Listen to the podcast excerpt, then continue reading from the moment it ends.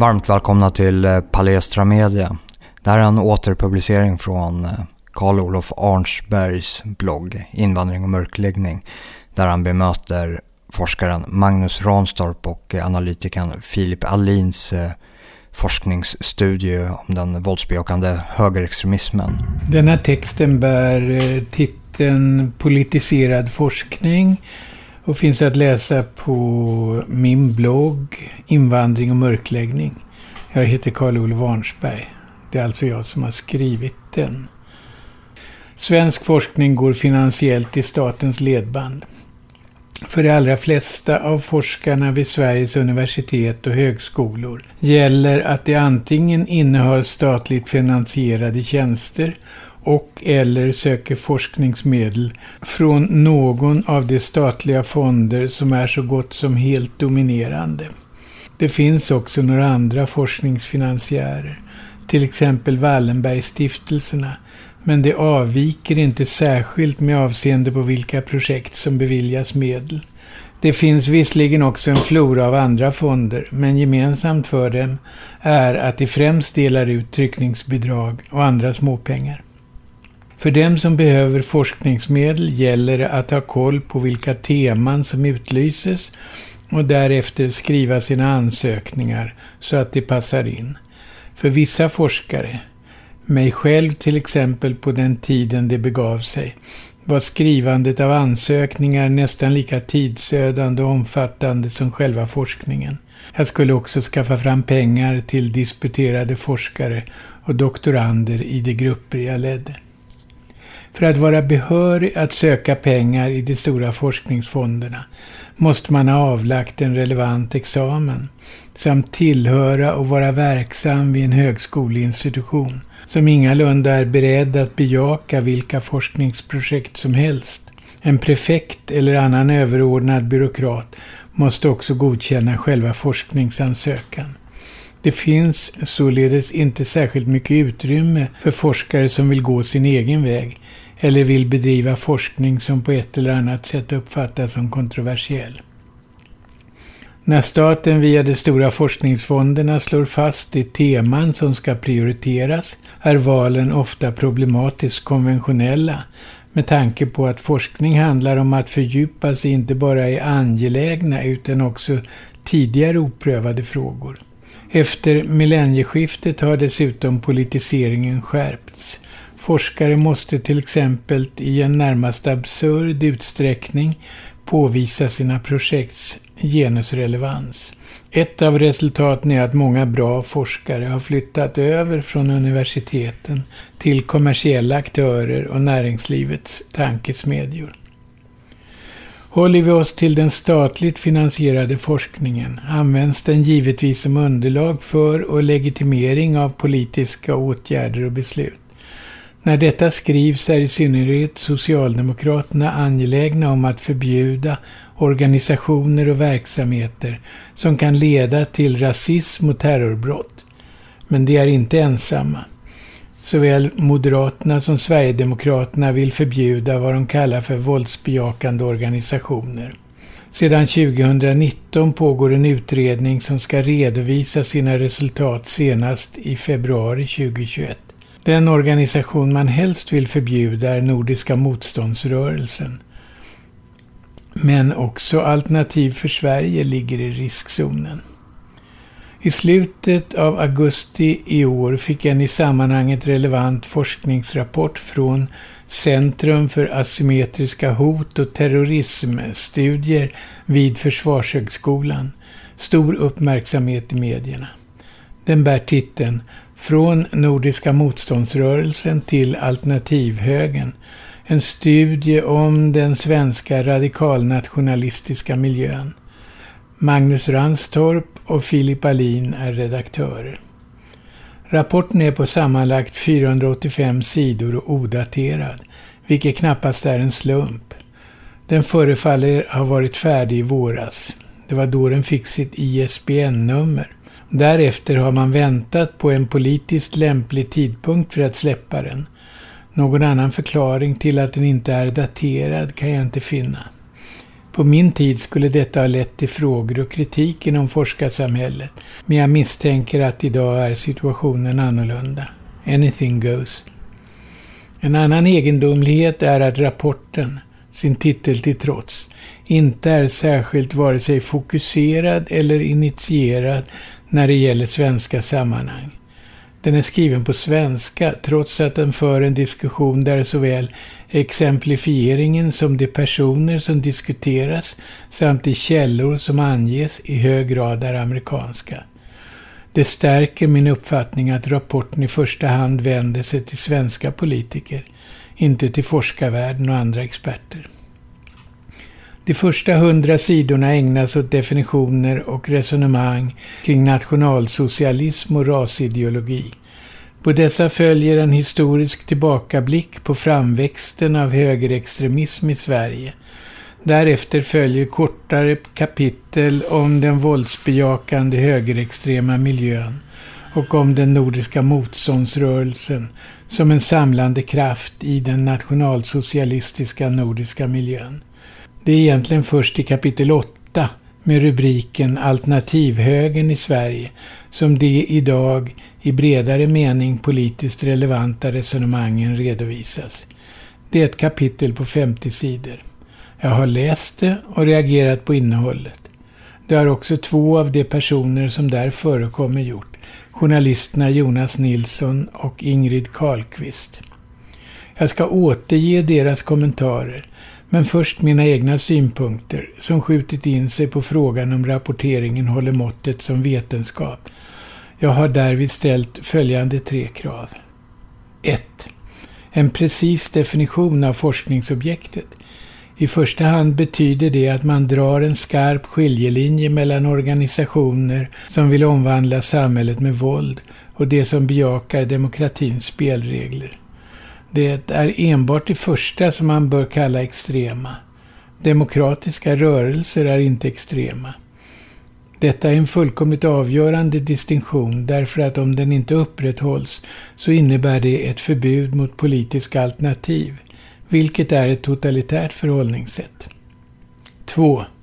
För att förtjäna att kallas för forskning måste alla källor redovisas och då duger inte sekundärkällor. 3. Framställningen måste ha vad som lite högtidligt kan kallas för en vilja till sanning. Här är en kort beskrivning av de som behandlas i kapitlet Alternativhögern i Sverige. Citat. Det omfattar ett brett paraply av aktivister som i olika grad sträcker sig från en online trollkultur, kvinnohatare i manosfären, nyfascister, ultranationalister, identitärer och vit maktanhängare. Slutcitat. Med referenser främst till amerikanska förhållanden påstås det att alternativhögern är en rörelse som i huvudsak agerar på kommentarsfält, Youtube och Twitter. Ett smakprov ges här. Det är inte utvalt för att det är det mest flagranta. Citat. Ett illustrativt exempel var när en artikel publicerades om att ett universitet skulle utlysa en tävling om konst som behandlade Förintelsen. Anhängare från alternativhögern började då fylla kommentatorsfältet med absurda historier om påstådda släktingar som överlevt Förintelsen. En kommentar angav att samtliga av hens sex mormödrar var överlevare och att de hade överlevt genom att spela saxofon och piano för vakterna medan de gömde sig i en hög med bråte. Medan tidigare nationalister hävdar att förintelsen aldrig ägt rum behandlar i detta fall alternativhögern den istället som ett skämt. Slut citat. Jag vill givetvis veta var i Sverige detta ägt rum. Fotnoten hänvisar till en DN-artikel från 2017 som ligger bakom betalvägg. Det är inte nyhetsrapportering utan en kulturartikel och vi kan vara rätt säkra på att om detta hade hänt i Sverige så hade det dokumenterats på flera sätt. Det politiska partiet Alternativ för Sverige beskrivs utförligt under egen rubrik. Jag hade gärna velat veta till vilken kategori det räknas, det våldsamma eller det demokratiska, men det är oklart. Brunsmetningen via guilt by association är dock glasklar.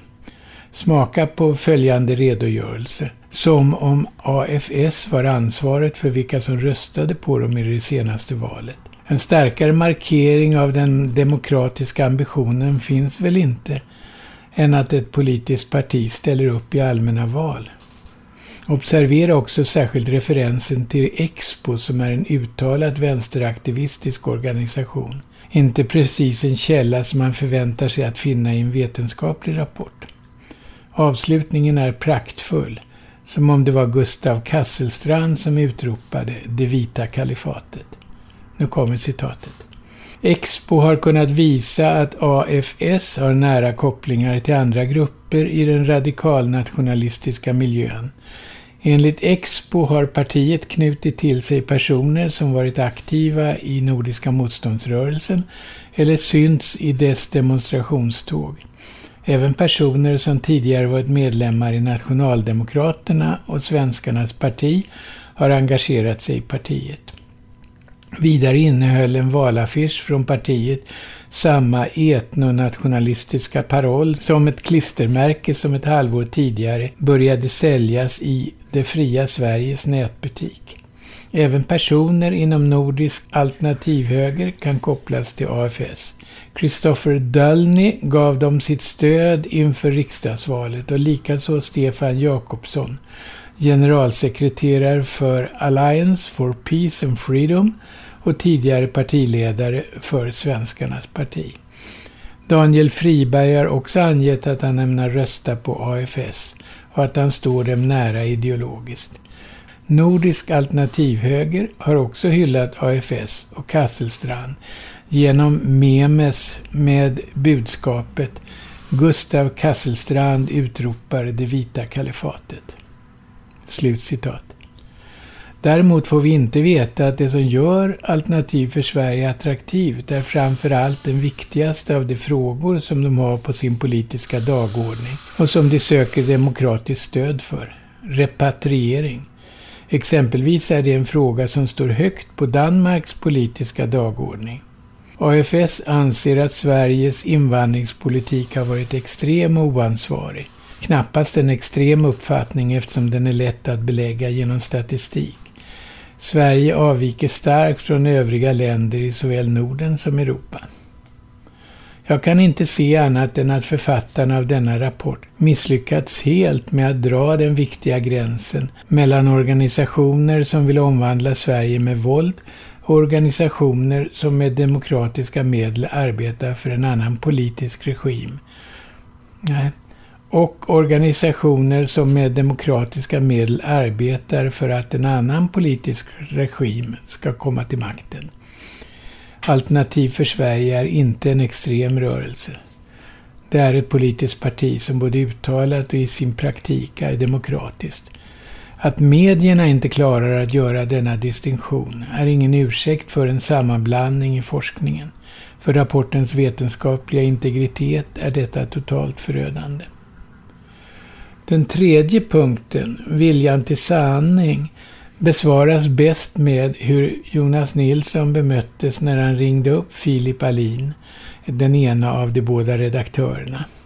Han påpekade att de hade gjort sig skyldiga till citatförfalskning genom att sammanfoga klipp ur två olika citat och låtsas att det var ett, samtidigt som kontexten inte angavs.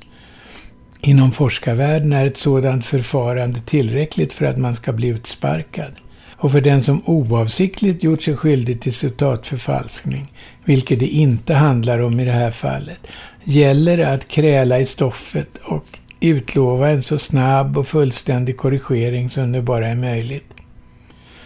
I det här fallet genomförde redaktörerna faktiskt en förändring efter samtalet med Jonas Nilsson. Utan förklaring och utan att ange kontexten skar de bort den andra delen av det förfalskade citatet. Inga ursäkter och inget angivande av den kontext som var nödvändig för att man skulle förstå uttalandet. Med andra ord, viljan till sanning var totalt obefintlig. Här följer en transkribering av det inspelade samtalet mellan Jonas Nilsson och Filip Alin.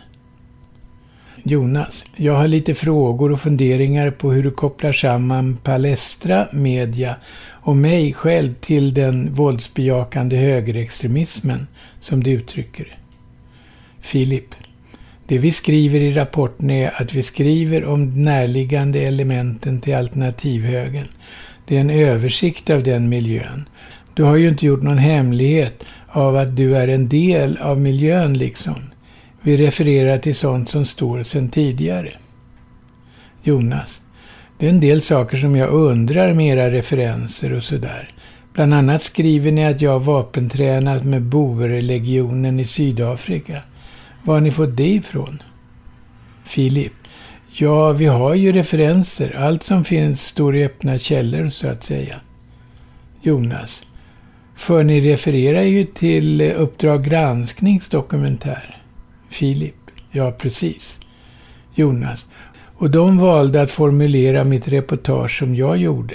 Jag är ju journalist. Jag arbetar på Palestra Media som journalist. Vilket ni också implicit säger då ni skriver att jag driver en medieplattform. Och det Uppdrag granskning gjorde var att de tog några klippbilder från mitt reportage när jag var ute och gjorde journalistiskt arbete med Boerlegionen. Men det formulerades som att jag var och vapentränade med dem. Filip. Ja, men vi har bara använt sånt som har refererats i media tidigare, så att säga. Jonas. Men följer ni inte upp de här sekundärkällorna och gör en faktakoll av det? Filip. Vi använder de källor vi tycker. Det som är med i rapporten var fullgott för oss, så att säga. Jonas. Och sen skriver ni att jag har stridit för Främlingslegionen också.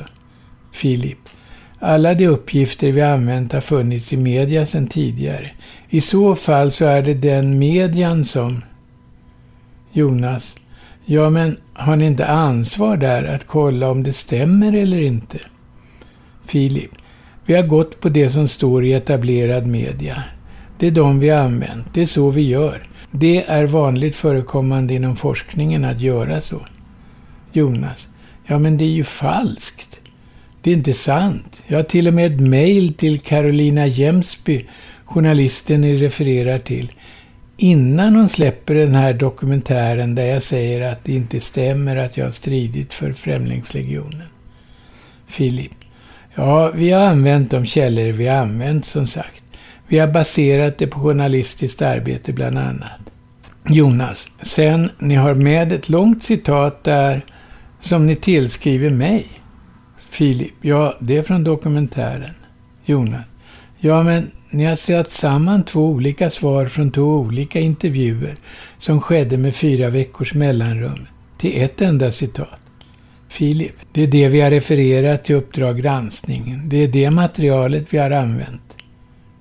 Jonas, jo, jo, men ni skriver att det är ett citat och det är egentligen två citat från två olika tillfällen som ni har satt samman till ett. Filip, så som vi har refererat till Uppdrag granskning så är det så. Det är så vi refererar till där, så att säga. Jonas. Jo, jo, men det är en dokumentärfilm. När ni kollade på filmen såg ni inte att i övre delen av citatet, de första två meningarna så sitter jag med blå skjorta i ett annat rum och sen i den nedre delen av citatet så sitter jag med en vit skjorta i ett annat rum. Och det är en månad mellan de här tillfällena. Filip. Vi har refererat till den Uppdrag granskning vi har använt. Det material vi har använt har varit öppet sedan, innan, om den här miljön. Jonas. Jo, jo, men förstår du inte att det ser lite konstigt ut när ni tar ett citat och sen sätter det samman med ett annat citat från ett annat intervjutillfälle och säger att det är ett citat? Filip. Jag kan bara säga att det material vi använt är sådant som tidigare har varit öppet på det sättet. Jonas. Jo, jo, men har ni inte ett ansvar att faktakolla era källor? Filip. Som jag har sagt, det är sånt som har publicerats i öppen media sedan tidigare, som vi har med i rapporten. Det är ingen hemlighet att det förekommit, så att säga.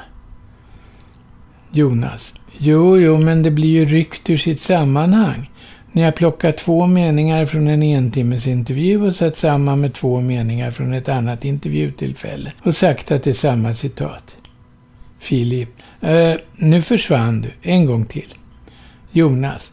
Ni har tagit två meningar från en intervju och sen satt samman med två andra meningar från en annan intervju och sagt att det är ett citat, ett sammanhängande citat. Att jag har sagt så. Filip. Som det är refererat till som studiereferens. Jag kan inte svara på de här frågorna du har. Har du fler frågor så kan du mejla vår presstjänst när det gäller de här frågorna. Men det jag kan säga är att vi har försökt göra en översikt av den här miljön som helhet och referera till sådant material som redan finns öppet så att säga. Jonas. För ni skriver en rapport som ni menar på är våldsbejakande extremism. Och ni skriver om en premiär om en dokumentärfilm jag hade om Sydafrika. Och ni väljer att referera till och säger att den blev inställd. Och så har ni refererat vänsterextremister som med hjälp av hot och våld fick den att bli inställd. Att konferenssalsägaren fick ställa in den då han var livrädd för sin personal. Varför refererar ni till vänsterextremister? Filip, vi har refererat till de öppna källorna som finns. Det är det material som vi har använt och rapporten står på sina egna ben. Jag har inte mer att tillföra faktiskt. Jonas. Jo, jo, men referenserna är ju inte ens om filmen utan referensen är till en konferens där jag har bjudit upp en kvinna från Sydafrika som fick sin man mördad framför ögonen på henne och hennes barn. Och hon skulle prata om farmarmord. Det är ju inte alls kopplat till dokumentärfilmen. Filip. Som jag sagt innan, det material vi använt och rapporten står för sig självt och det som finns där i står vi för. Jonas. Men det stämmer ju inte. Ni har falska referenser till falska händelser till vad ni skriver i texten. Filip. Vi har använt det material vi har använt. Jag tror inte vi kommer längre än så här. Jonas. Du, jag har en fråga också. Du säger till SVT att vi på Palestra Media sprider ett giftigt narrativ. Vad är det för giftigt narrativ? Filip. Allt står i rapporten. Har du mer specifika frågor om rapporten så kan du mejla vår presstjänst. Samtalet är något längre men fortlöper på samma sätt. Eftersom en annan journalist, Ingrid Karlqvist, också råkat ut för denna skändande förfalskning ber jag henne kommentera det som skrivs om henne i rapporten.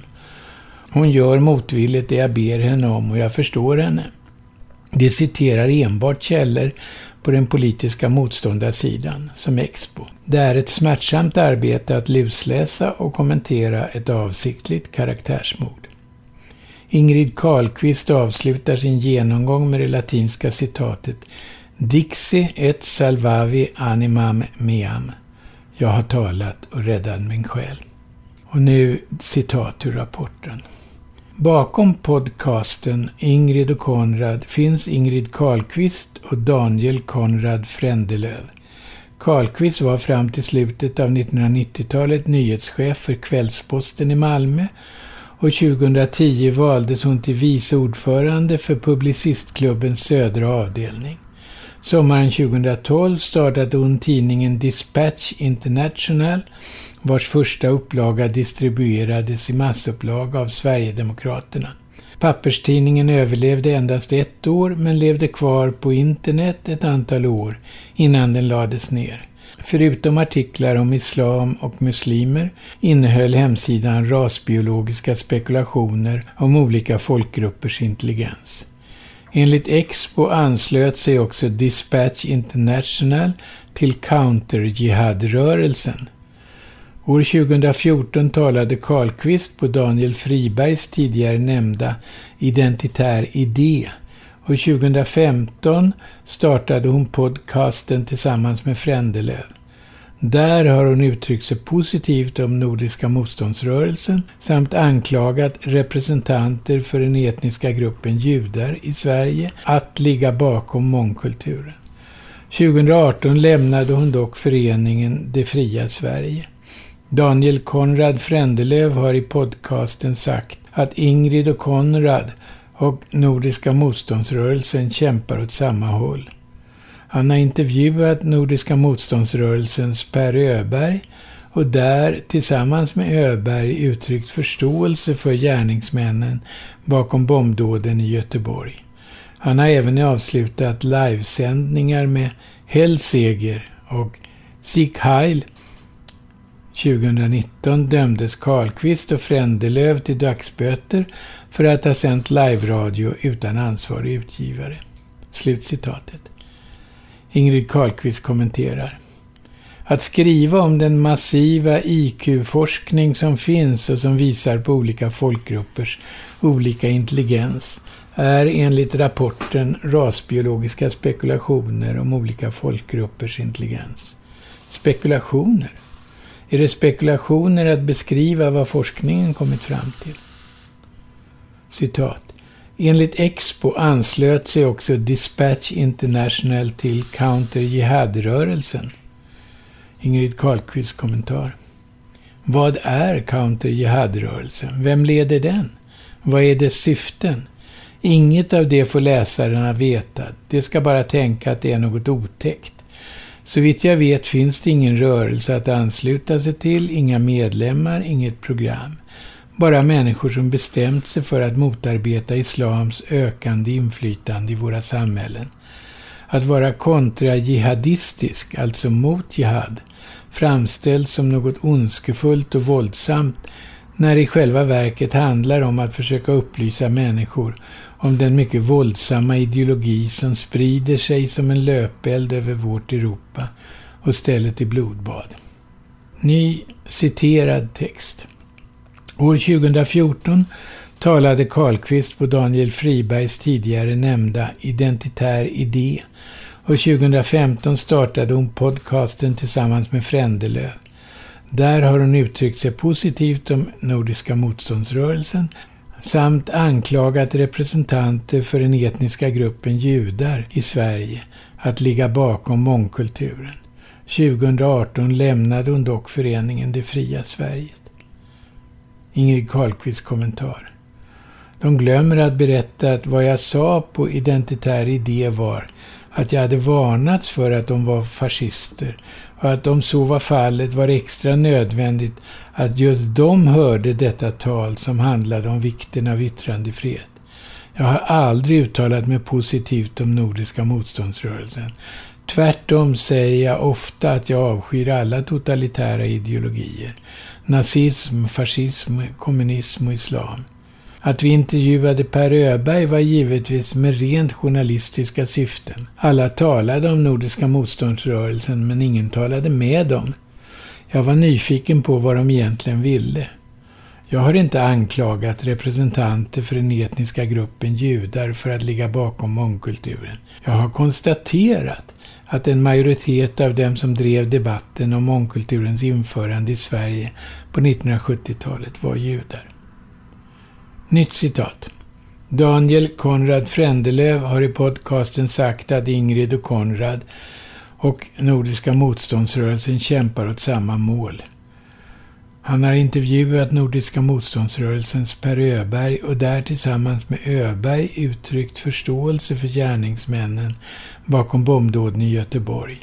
Han har även avslutat livesändningar med Hellseger och Sieg Heil 2019 dömdes Karlqvist och Frändelöv till dagsböter för att ha sänt live-radio utan ansvarig utgivare. Ingrid Karlqvists kommentar. Jag har ingen minne av att Konrad sagt ovanstående. Han, av, han avslutade ofta programmen med hälseger, som betyder var hälsad seger, men aldrig någonsin Sieg Heil. Det är en ren lögn. Nytt citat. Det, föref det förefaller som att podcasten lades ner under 2019. Istället har Karlqvist tillsammans med den före detta journalisten Maria Selander startat hemsidan Ingrid och Maria. Hemsidan innehåller främst artiklar och podcasts där mycket av innehållet på olika sätt handlar om invandring. Läsaren finner också intervjuer med Gustav Kasselstrand och Jonas Nilsson. På Ingrid och Maria finns även en del som länkar till förlaget Logik. Kommentar. Varken jag eller Maria är före detta journalister. De uttrycker sig så för att läsaren ska få känslan av att vi en gång var goda och kloka människor och därefter blev vi galna. Vi arbetar i högsta grad fortfarande som journalister, opinionsbildande journalister. Vi gör det arbete som mainstream-journalisterna slutat med. Vi granskar samhällsutvecklingen med kritiska ögon och är enbart lojala mot vår publik. Mainstream-journalisterna har däremot blivit maktens megafoner utan någon som helst lojalitet med svenska folket som drabbats så hårt av massinvandringsexperimentet. Givetvis länkar vi till min bok som har getts ut på förlaget Logik. Ingrid Karlqvist avslutar och det får tjäna som avslutning också för hela den här texten. Sammanfattningsvis använder sig rapporten av en välkänd men i vetenskapliga sammanhang helt förkastlig metod. Man bestämmer sig för en enda hypotes, nämligen att vi som kämpar för svenska folkets rätt till överlevnad och trygghet i vårt eget land är ondskefulla nazister som drivs av hat mot människor från andra länder. Därefter söker man enbart stöd för denna hypotes, drar sig inte för att ljuga och förvrida fakta och vips har man skapat fina små monster att presentera för regeringen som vill förbjuda medlemskap i så kallade rasistiska organisationer. Rapporten är ett beställningsverk för just detta och jag finner inte ens ord för att uttrycka mitt förakt för att Magnus Ranstorp deltar i en sådan verksamhet. Slut.